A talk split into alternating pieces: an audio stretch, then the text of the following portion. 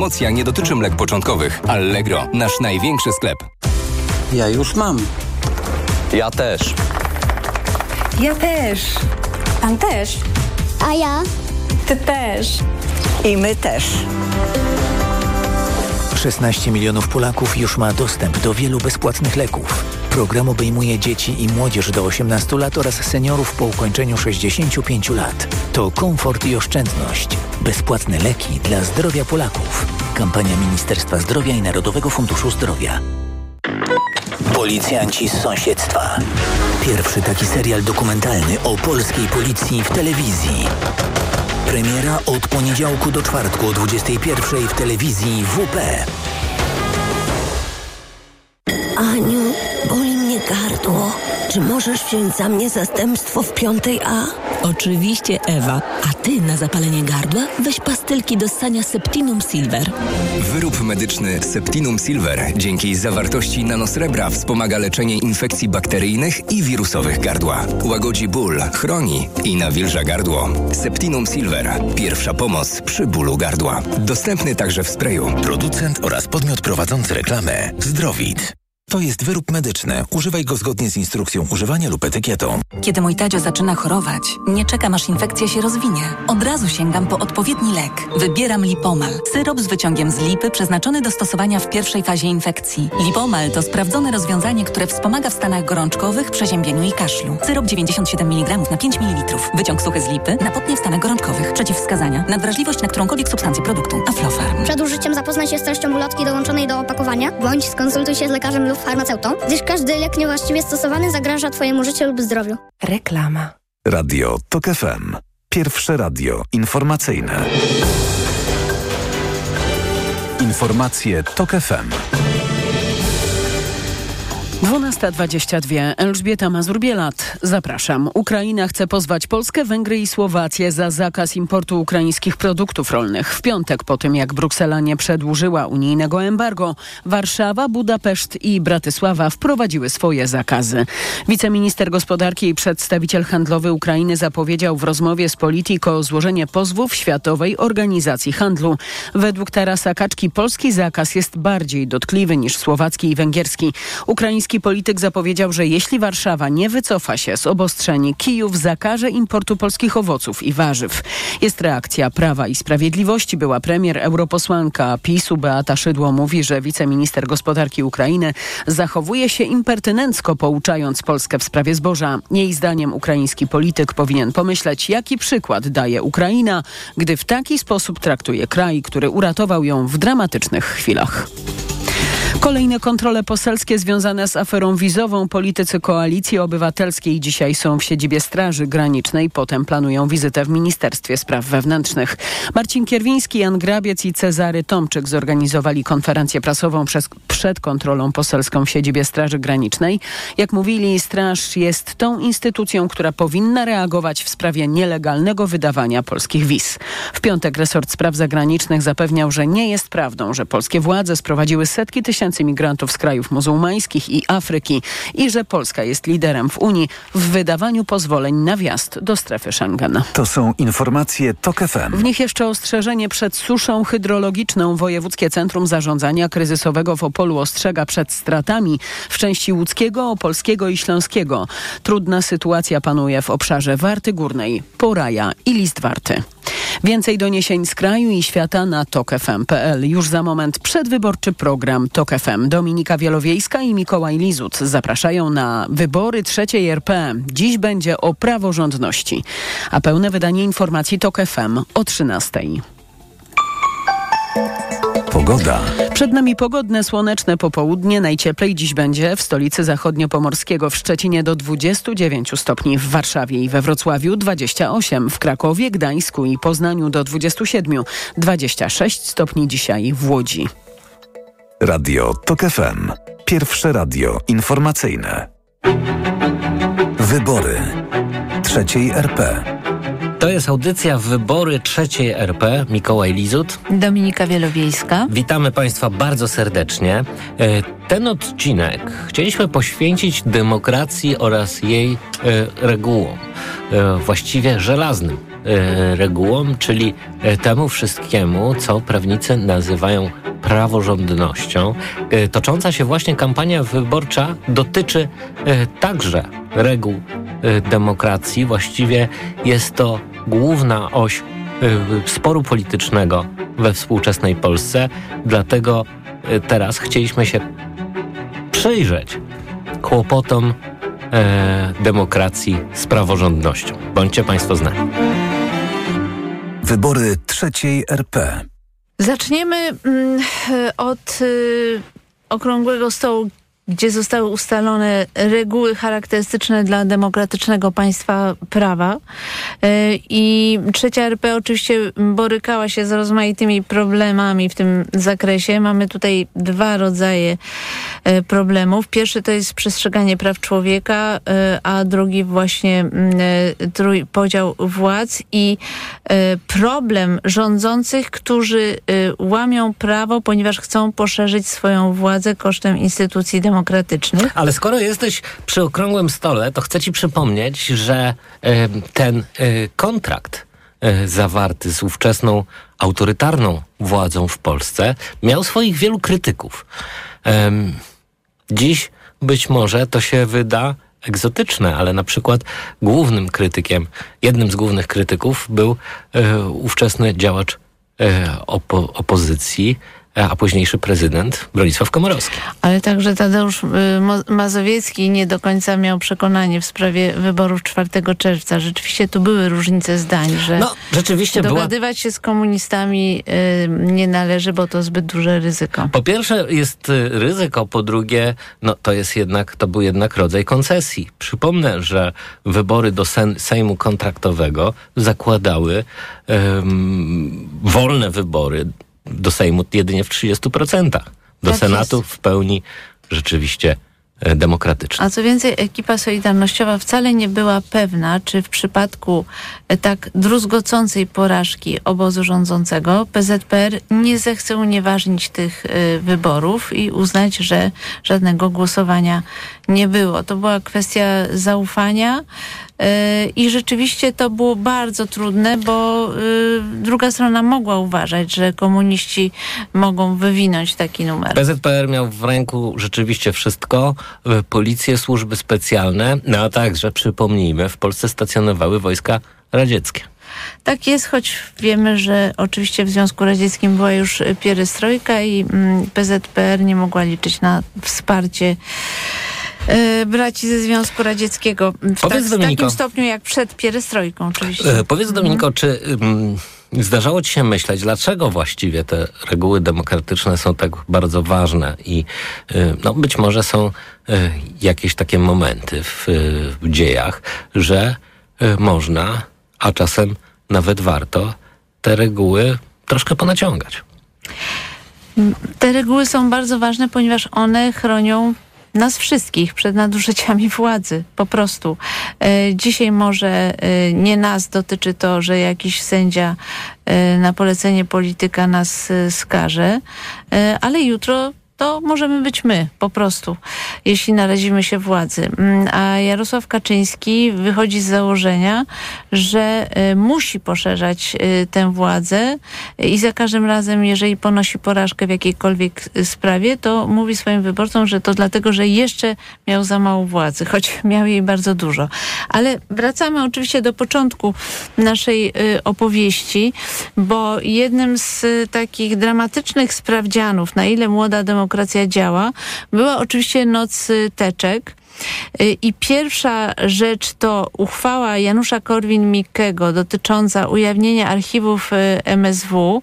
W zasadzie wiemy o tym, że namówił go na to Antoni Macierewicz, żeby taką uchwałę przyjąć. Ona łamała wszelkie reguły praworządności, dlatego że czyniła z Macierewicza prokuratora, prokuratora i sąd jednocześnie, bo... Tutaj właśnie mm, chciałbym, żebyśmy mm, jeszcze na moment się zatrzymali y, w, trochę w takim y, metajęzyku. To znaczy, y, rzeczywiście sprawa lustracji i dekomunizacji to była jedna z najważniejszych osi sporu w polskiej polityce po 1989 roku.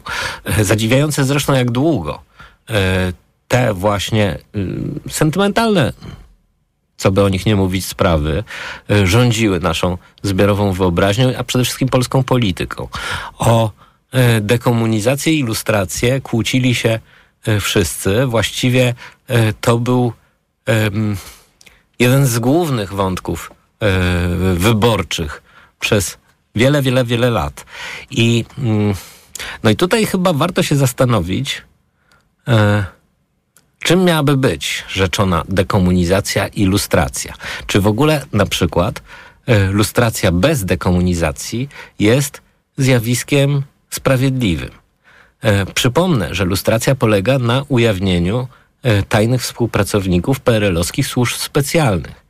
W momencie, gdy samych organizatorów tej opresji nie sądzimy, czyli dekomunizacji nie ma. Dlaczego mielibyśmy ujawniać i sądzić tych, których złamano, którzy po prostu no, byli mm, jedynie współpracownikami? Ustawa dekomunizacyjna tak naprawdę nigdy nie nabrała realnego kształtu, chociaż wedle mm, wielbicieli mm, tej koncepcji miała oznaczać wykluczenie z życia publicznego osób, które y, mm, były w PZPR, pełniły tam wysokie funkcje lub w y, służbach specjalnych, ale y, no właściwie żaden taki projekt realnie się nie pojawił. To bardzo dużo było krzyku na ten temat, natomiast nikt w gruncie rzeczy nie potrafił tego przygotować. Ale lustracja doszła do skutku Ale i to kilkakrotnie. Y, tak właśnie zaczęła się od tej y, uchwały. I teraz zadałeś mi pytanie, dlaczego y, mają płacić wysoką cenę ci, którzy zostali złamani przez służby specjalne lub też byli, no co to dużo mówić, świadomymi agentami, którzy brali pieniądze, bo i tacy się mm, tam pojawiali. Natomiast ci oficerowie SB, którzy często mają wielkie świństwa na swoim koncie, nie ponoszą żadnej odpowiedzialności. E, odpowiedź na to pytanie e, brzmi tak mm, założenie ustawy po 90, w 97 roku, bo powstał projekt ustawy lustracyjnej, która była przygotowana także przez środowiska Unii Wolności, czyli te, które krytykowały uchwałę Antoniego Macierewicza.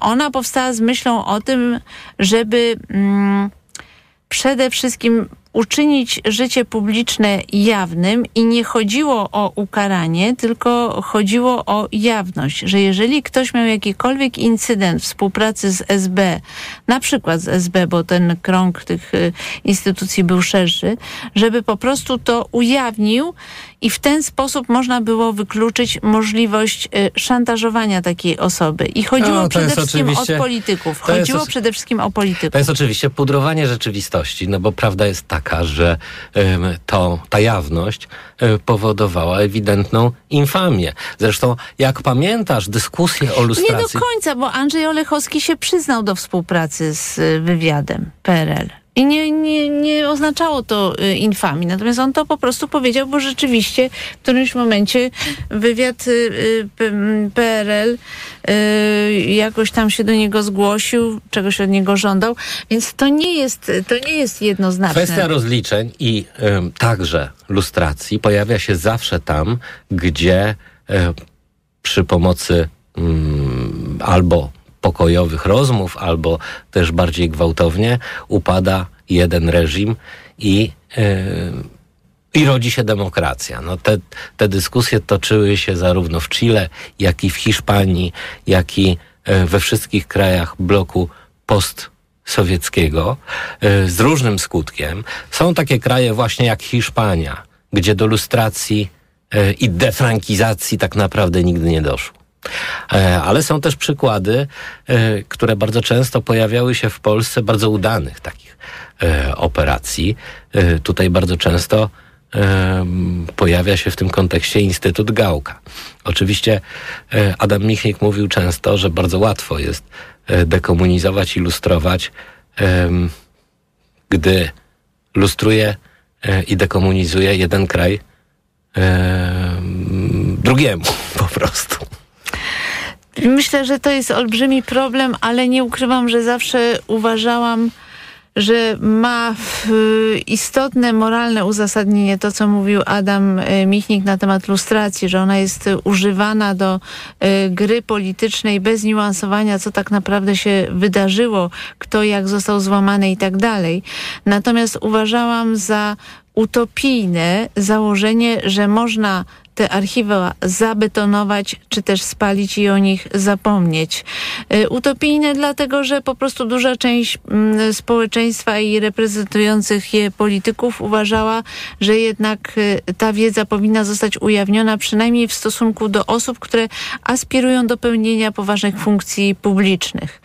Y, I to było takie minimum, które starano się zapewnić w tej ustawie 97 roku. No ale lustracja, tak jak powiedzieliśmy, zaczęła się znacznie wcześniej od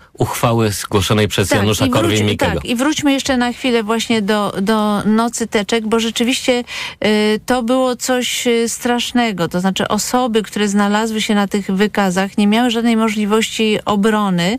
Y, tam y, młodzi z, rewolucjoniści macierewiczowscy popełnili wiele błędów. Interpretacja akt SB nie jest prosta, musi być robiona przez y, ekspertów. Natomiast oni powrzucali tam rozmaite osoby y, niesłusznie i rzeczywiście te osoby były narażone na infamię. W ogóle taka rzecz jak lustracja nie mogła być załatwiana y, mm, przez y, uchwałę. To wywołało olbrzymi kryzys polityczny. A teraz uważaj, bo chcę przypomnieć jedną rzecz bo trochę też w kontekście tego, co dzisiaj się dzieje i o co jest y, oskarżony Antoni Macierewicz, a mianowicie jeden z współpracowników rządu Jana Olszewskiego wiele lat później powiedział mi, że to, iż Korwin-Mikke zgłosił tę e, e, uchwałę i to, że Antoni Macierewicz też został e, tutaj podpuszczony do tego, żeby popchnąć taką inicjatywę, może być dziełem e, e, rosyjskich służb po to, żeby zdestabilizować państwo, e, przebudować swoją strukturę agenturalną w Polsce i tak dalej, i tak dalej. Mówię o tym z pełną odpowiedzialnością, bo to była osoba, która pracowała dla Jana Olszewskiego. To znaczy, że takie rzeczy, jak sprawa właśnie uchwały lustracyjnej, potem e, jak sprawa Olina, czyli momentu, kiedy Józef Oleksy, mówiliśmy o tym w innym odcinku, Józef Oleksy został oskarżony o agenturalną działalność, czy właśnie podsycanie nienawiści wokół katastrofy smoleńskiej, że w tym bardzo jest prawdopodobne, maczają y, palce y, służby rosyjskie. Ale Tego teraz... się oczywiście nie da wykluczyć. Ja przypomnę tylko, że mm, ówczesna Rosja rządzona przez Jelcyna była e, rzeczywiście takim kolosem na glinianych nogach. Rosja no tak, miała swoje kłopoty. Była wstrząsana e, oczywiście i tam rozmaitymi konfliktami Służby specjalne frakcji. oczywiście mhm. też e, odgrywały ogromną, ogromną rolę w tych e, wszystkich przemianach. Natomiast ja mam do ciebie inne pytanie. Czy wspomnieliśmy o tym już e, przed chwilą, na ile daleko podczas nocy teczek było od zamachu stanu? I to jest bardzo ciekawa kwestia, dlatego że y, przypomnijmy, Antoni Macierewicz y, ujawnia y, listę rzekomych, domniemanych agentów, potem sam mówi, że on tylko ujawnił archiwa No właśnie. MSW. Na tej liście jest między innymi jego własny szef, e, czyli szef z... Profesor Wiesław profesor Chrzanowski. Wiesław Chrzanowski, szef mm. ZHN-u. Tak. E, wśród ujawnionych przez Macierewicza e, rzekomych agentów. Jest, jest także Leszek, prezydent Lech Wałęsa. Leszek Moczulski i też jest prezydent Wałęsa i to jest y, kluczowe, dlatego że y, Wałęsa został y, oskarżony o współpracę z SB i mm, problem polegał na tym, że Prawdopodobnie dzisiaj, y, jak patrzymy na tę sekwencję wydarzeń, Macierewicz, który wiedział, że rząd Olszewskiego może w każdej chwili upaść, ponieważ nie ma większości, no to postanowił uruchomić y, teczki po to, żeby ten rząd uratować. Bo kalkulacja Macierewicza i y, Olszewskiego będzie taka, my ujawnimy y, agentów, a naród na fali wzmożenia wyjdzie na ulicę w naszej obronie i nasz rząd się utrzyma. Naród nie wyszedł. Ja mówię to specjalnie dlatego, że tak to przedstawiał w jednej z książek Jarosław Kaczyński, że y, Olszewski z Macierewiczem przyjęli właśnie takie założenie, że oni rozegrają to propagandowo i obronią ten rząd. I teraz problem polega na tym, że Macierewicz To znaczy, Antoni Dudek twierdzi, że to, to były tylko poszlaki, ale główna obawa polegała na tym, że Macierewicz, kiedy widział, że ta obrona rządu Jana Olszewskiego się nie udała, że e, klasa polityczna e, zjednoczyła się przeciwko Olszewskiemu i przeciwko Macierewiczowi i postanowiła obalić ten rząd, ponieważ uznała, że to jest, e, że prowadzi do destabilizacji kraju. Mm, I nagle pojawiła się informacja o postawieniu w gotowość nadwiślańskich jednostek wojskowych. No i to już jest gruba sprawa. Tak, znaczy profesor Dudek twierdzi, że to były tylko y, poszlaki, ale po latach poznaliśmy wyniki śledztwa prokuratury wojskowej, która badała ten wątek i rzeczywiście relacje wielu oficerów są takie, że Piotr Naimski i Antoni Macierewicz y, przygotowywali taki rodzaj y, stanu nadzwyczajnego y, z udziałem wojska. Stąd właśnie obawy o to, że ktoś chciał przeprowadzić zamach stanu. Niemniej prokuratura wojskowa ostatecznie stwierdziła, że z 30 elementów, które składają się na postawienie służb specjalnych i wszystkich resortów siłowych w stan gotowości. Z tych 30 elementów, 30 procedur zostały zrealizowane tylko 6. No i teraz można powiedzieć tak, coś się szykowało, ale może ktoś w ostatniej chwili zmienił zdanie y, lub... Y, lub jeszcze jest druga hipoteza, Y, druga strona uważała, że zamachu stanu będzie chciał dokonać Lech Wałęsa, a oni tylko muszą się przygotować na odpowiedź, gdyby Wałęsa próbował coś takiego zrobić. Więc znaczy, obie jeśli... strony miały absolutny brak zaufania do, do, do siebie. Więc nawet jeśli e, w tych regułach demokracji część bezpieczników było już wykręconych podczas nocy teczek, no to jednak do pełnego zwarcia e, nie doszło. Wybory trzeciej RP. Ale mogę opowiedzieć anegdotę, bo było strasznie poważnie, ale teraz chcę powiedzieć o atmosferze, jaka panowała w nocy, w czasie nocy teczek. Ale Mów. ostatnie, ostatnie, króciutkie wspomnienie. Y, bo atmosfera była niezwykle napięta i ludzie się bali tego, że reguły demokracji zostaną złamane, a politycy złamią prawo po to właśnie, żeby utrzymać władzę. I e, ta anegdota polega na tym, że Ewa Milewicz uznała, że dzieje się coś bardzo niepokojącego i kazała nam stać w różnych punktach Warszawy e, i notować numery rejestracyjne samochodów wyjeżdżających z MSW, ponieważ uważała, że być może Macierewicz zarządzi wywiezienie tych e, dokumentów w nieznane miejsce po to, żeby potem ewentualnie szachować tymi dokumentami. No i ja stałam pod latarnią. Niektórzy źle to zinterpretowali. Wybory trzeciej RP. Porozmawiajmy teraz o mm, prezydenturze Lecha Wałęsy, e, która rzeczywiście była nacechowana różnymi przegięciami, jeśli chodzi o bezpieczniki demokracji. Mam tu na myśli oczywiście ministra kancelarii e, prezydenta, a także głównego prawnika, czyli Lecha Falandysza. Pojawiło się takie e, sformułowanie wówczas falandyzacja prawa. Co to takiego? To polegało na tym, że Lech Falandysz tak interpretował przepisy, aby poszerzać władzę prezydenta Wałęsy. Lech Wałęsa uważał, że w Polsce w zasadzie powinien obowiązywać y, y, system, system prezydencki, czyli taki, w którym on y, kieruje y, rządem, a w zasadzie premier jest jakby jego podwładnym i wykonuje jego polecenia. Y, I na tym polegała ta koncepcja. Wałęsa wchodził w konflikty niemal z każdym rządem. To niestety powodowało bardzo dużo zamieszania. Ja pamiętam zresztą takie żarty nie do końca śmieszne Lecha Falandysza, który e, kiedyś powiedział, że jak prezydent Wałęsa by chciał, to może rozwiązać ten Sejm w każdej chwili, bo uruchomi wojskowych, wyśle kilka wojskowych helikopterów nad Sejm, a tam są sami tchórze i oni wszyscy uciekną i zostanie tylko Olga Krzyżanowska, bo to jest jedyna osoba, która ma wiadomo co, bo walczyła, bo walczyła w, Powstaniu Warszawskim.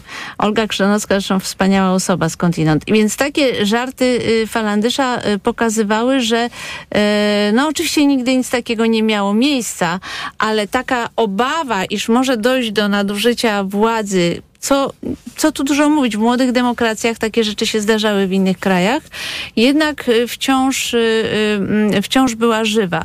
Ostatecznie nikt nie posunął się do używania tego typu instrumentów i ta polska młoda demokracja się wybroniła, mimo rzeczywiście bardzo takich gwałtownych, ostrych konfliktów y, politycznych. E, tak, to prawda. E, rzeczywiście mm, byliśmy na, na kursie kolizyjnym i Wałęsa powielokroć przeginał, jeśli chodzi o właśnie e, to naciąganie prawa. Zresztą był otoczony, trzeba przyznać, ludźmi którzy nie budzili różnego szacunku. autoramentu. Mm-hmm. Przypomnę ci na przykład Mieczysława Wachowskiego. Tak, i y, krążyły legendy o tym, że tak naprawdę sposób prowadzenia polityki przez Wachowskiego polegał na y, zastraszaniu. No, generalnie jakby standardy demokratyczne, czy w ogóle procedury funkcjonowania państwa demokratycznego było y, otoczeniu Lecha Wałęsy raczej Sam. Wachowski y, opowiadał takie przysłowie: Kto nie z mieciem, tego z mieciem. tak jest. Nie miało to nic wspólnego z zasadami praworządności. E, mm, nie wiem, czy jeszcze poświęcimy chwilę Wałęsie, bo myślałam o tym, że wspomnieliśmy o tej ustawie z 97 roku, o ustawie lustracyjnej, która była przygotowana też z udziałem w ogóle przez koalicję AWS i Unii Wolności. Ale e, ta ustawa, e, która moim zdaniem była takim minimum e, dopuszczalnym, oczywiście nie zadowalała radykalnych lustratorów, którzy koniecznie chcieli przeprowadzić wielką odnowę moralną narodu polskiego, otworzyć wszystkie teczki dla wszystkich i niech wszyscy sobie tam grzebią i Przypomnę patrzą. ci, że właśnie wtedy, w 97 roku i na mocy tej ustawy powstał Instytut Pamięci Narodowej, e, który oczywiście na, na, którego czele przede wszystkim stanął profesor Kieres wówczas, czyli człowiek bardzo umiarkowany, jeśli chodzi o te zapędy lustracyjne, ale niemniej ta ustawa no, jakby do instytucji historycznej, naukowej wstawiła także urząd prokuratorski. Tak, ale ten urząd prokuratorski działał na innej zasadzie, dlatego że IPN w pewnym sensie zastępował tę e, komisję do ścigania e, zbrodni e, rozmaitych komunistycznych czy nazistowskich. Natomiast rozbudowanie kompetencji IPN-u mm, nastąpiło dopiero w czasie pierwszego PiSu, czyli wtedy, kiedy w 2005 roku Prawo i Sprawiedliwość przejęło władzę. I wtedy właśnie został rozbudowany IPN, wtedy pojawiły się tam e, postacie z dużym zacięciem e, lustracyjnym. E, I wtedy też pojawiła się nowa wersja ustawy lustracyjnej, która zakładała o wiele szersze otworzenie archiwów właściwie no, dla wszystkich prawie że. I to było też spowodowane tym, tym lustratorem, który właśnie żądał prawdziwej lustracji, bo wiele osób z prawicy było rozgoryczonych tym, że po prostu sądy e, orzekały, że ktoś nie, zgła, nie skłamał e, e, w swoim oświadczeniu lustracyjnym, dlatego że bycie współpracownikiem SB oznaczało wedle definicji tej ustawy z 97 roku, że naprawdę była to osoba, która była szkodliwym agentem, brała pieniądze i tak dalej, i tak dalej, i tak dalej. Oczyszczony z zarzutu lustracyjnego został także były prezydent Lech Wałęsa, przypomnę. Tak, wtedy y, został oczyszczony z bardzo prostego powodu, że sąd nie dysponował dokumentami, które Instytut Pamięci Narodowej znalazł wiele lat później w mieszkaniu generała Czesława Kiszczaka. Wybory trzeciej RP. Mówiliśmy sporo o lustracji w kontekście właśnie praworządności, łamania reguł demokracji, e, naciągania e, prawa, e, ale oczywiście to nie są jedyne i wyłączne problemy demokratycznych reguł. Ale y, przepraszam, czy mogę ci przerwać, bo jeszcze chciałam dokończyć wątek mhm. Y, lustracji, bo on jednak dosyć y, w sposób istotny dotyka praw człowieka, bo y, pojawiła się właśnie nowa wersja y, ustawy z, y, lustracyjnej przygotowana w 2006-2007 roku i ona obejmowała o wiele większy katalog osób, co więcej zmuszała polityków do ponownego składania oświadczenia tak. lustracyjnego. Objęła także dziennik dziennikarzy, co I potem uchylił dziennikarzem. Sąd Konstytucyjny. Tak, tak, Trybunał Konstytucyjny uznał, że objęcie lustracją ogółu naukowców, dziennikarzy, członków zarządów i rad y, nadzorczych spółek giełdowych, banków i tak dalej, no widać, że ta lustracja miała być bardzo y, y, szeroka i to właśnie Trybunał uznał za y, niekonstytucyjne.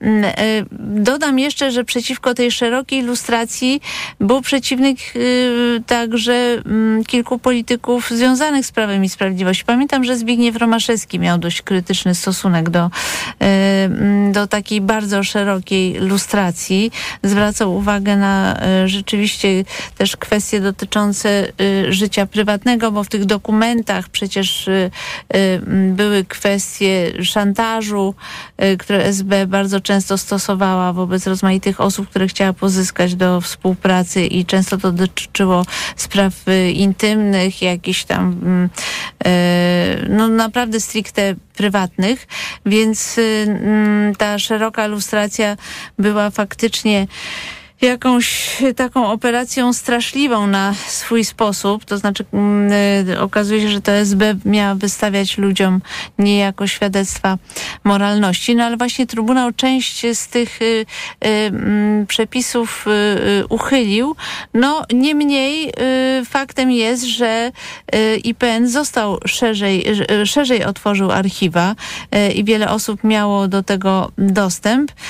Po jakimś czasie oczywiście te mm, napięcia lustracyjne y, opadły, już wszyscy tam wygrzebali, co mieli wygrzebać. No, w końcu nie ma się czemu dziwić. Minęły 34 lata od upadku PRL, więc y, y, właściwie przestało być to aż tak ekscytujące. E, ta lustracja przestała być taką polityczną pornografią. No też dlatego, że wiele osób, które mogły być lustrowane, już dawno y, nie ma ich w polityce, w związku z tym to nie budzi aż tak dużych y, emocji. Tak, ale chciałbym też zwrócić Twoją uwagę, że nie tylko lustracja e, wkracza w e, ten w te reguły demokracji, których, których należy e, bronić. No, warto podkreślić, że e, po pierwsze w Polsce bardzo często pojawiała się pokusa używania służb specjalnych do różnych e, politycznych, e, a czasem nawet biznesowych e, interesów. I ten spór o e, rolę służb specjalnych, o nadzór e, nad nimi, no, budzi wiele e, emocji i dotyczy właściwie wszystkich rządów. No y, powiedzmy na przykład o rządzie SLD. Pewnym momencie była taka historia związana z zatrzymaniem e, y, zarządzających właścicieli Stoczni Szczecińskiej i właściwie y, okazało się, że oni zostali zatrzymani nie tyle dlatego, że, mi, że były jakieś poważne dowo- y, dowody na to, że y, oni coś ukradli, zresztą te osoby zostały później uniewinnione, tylko dlatego, że mm, spółka była w skrajnie złej sytuacji. No przemysł stoczniowy to jest trudny biznes i SLD uznało, że trzeba y, rzucić y, parę osób y, na pożarcie. No niestety, tak to wtedy wyglądało. A druga sprawa, gdzie rzeczywiście mieliśmy nadużycie władzy, to y, w aferze Orlenowskiej, o której już mówiliśmy, a mianowicie y, zamknięto faceta, czyli w tym przypadku Andrzeja Moczylewskiego, prezesa PKN Orlen, tylko dlatego, że władza chciała wykonać jakąś operację, czy też zapobiec podpisaniu przez tego prezesa umowy na dostawę ropy. Dlaczego to jest istotne? Bo akurat w tej sprawie po wielu latach został skazany urzędnik, który nadzorował służby specjalne za nadużycie władzy. Był to Zbigniew Siemiątkowski. Ja ci Tylko- przypomnę, y, jak służby specjalne, specjalnie zresztą utworzone do e, załatwiania politycznych interesów, działały za pierwszego PiSu. I tutaj tych przykładów jest oczywiście bardzo, bardzo dużo. Sprawa Sawickiej, sprawa Andrzeja Lepera, Ale i Barbary Blidy. Barbary Blidy, po prostu władza przy pomocy prowokacji, takiego, e, można powiedzieć, portfela na żyłce, e, próbowała no, jakby kierować e, mm, swoich przeciwników politycznych w celu popełnienia przestępstwa. No i to jest ewidentne złamanie wszelkich reguł e, praworządnego państwa. Otóż władza nie może w ten sposób niszczyć swoich przeciwników. I to rzeczywiście było rażące łamanie praworządności, a przypomnę jeszcze, że władza też y, używała służb i prokuratury do tego, żeby zamiatać swoje afery pod dywan, bo była taka historia z byłym ministrem sportu, gdzie jakoś bardzo dziwnie z powodu kampanii wyborczej e, wszystko strasznie długo e, trwało. No nie był to przypadek.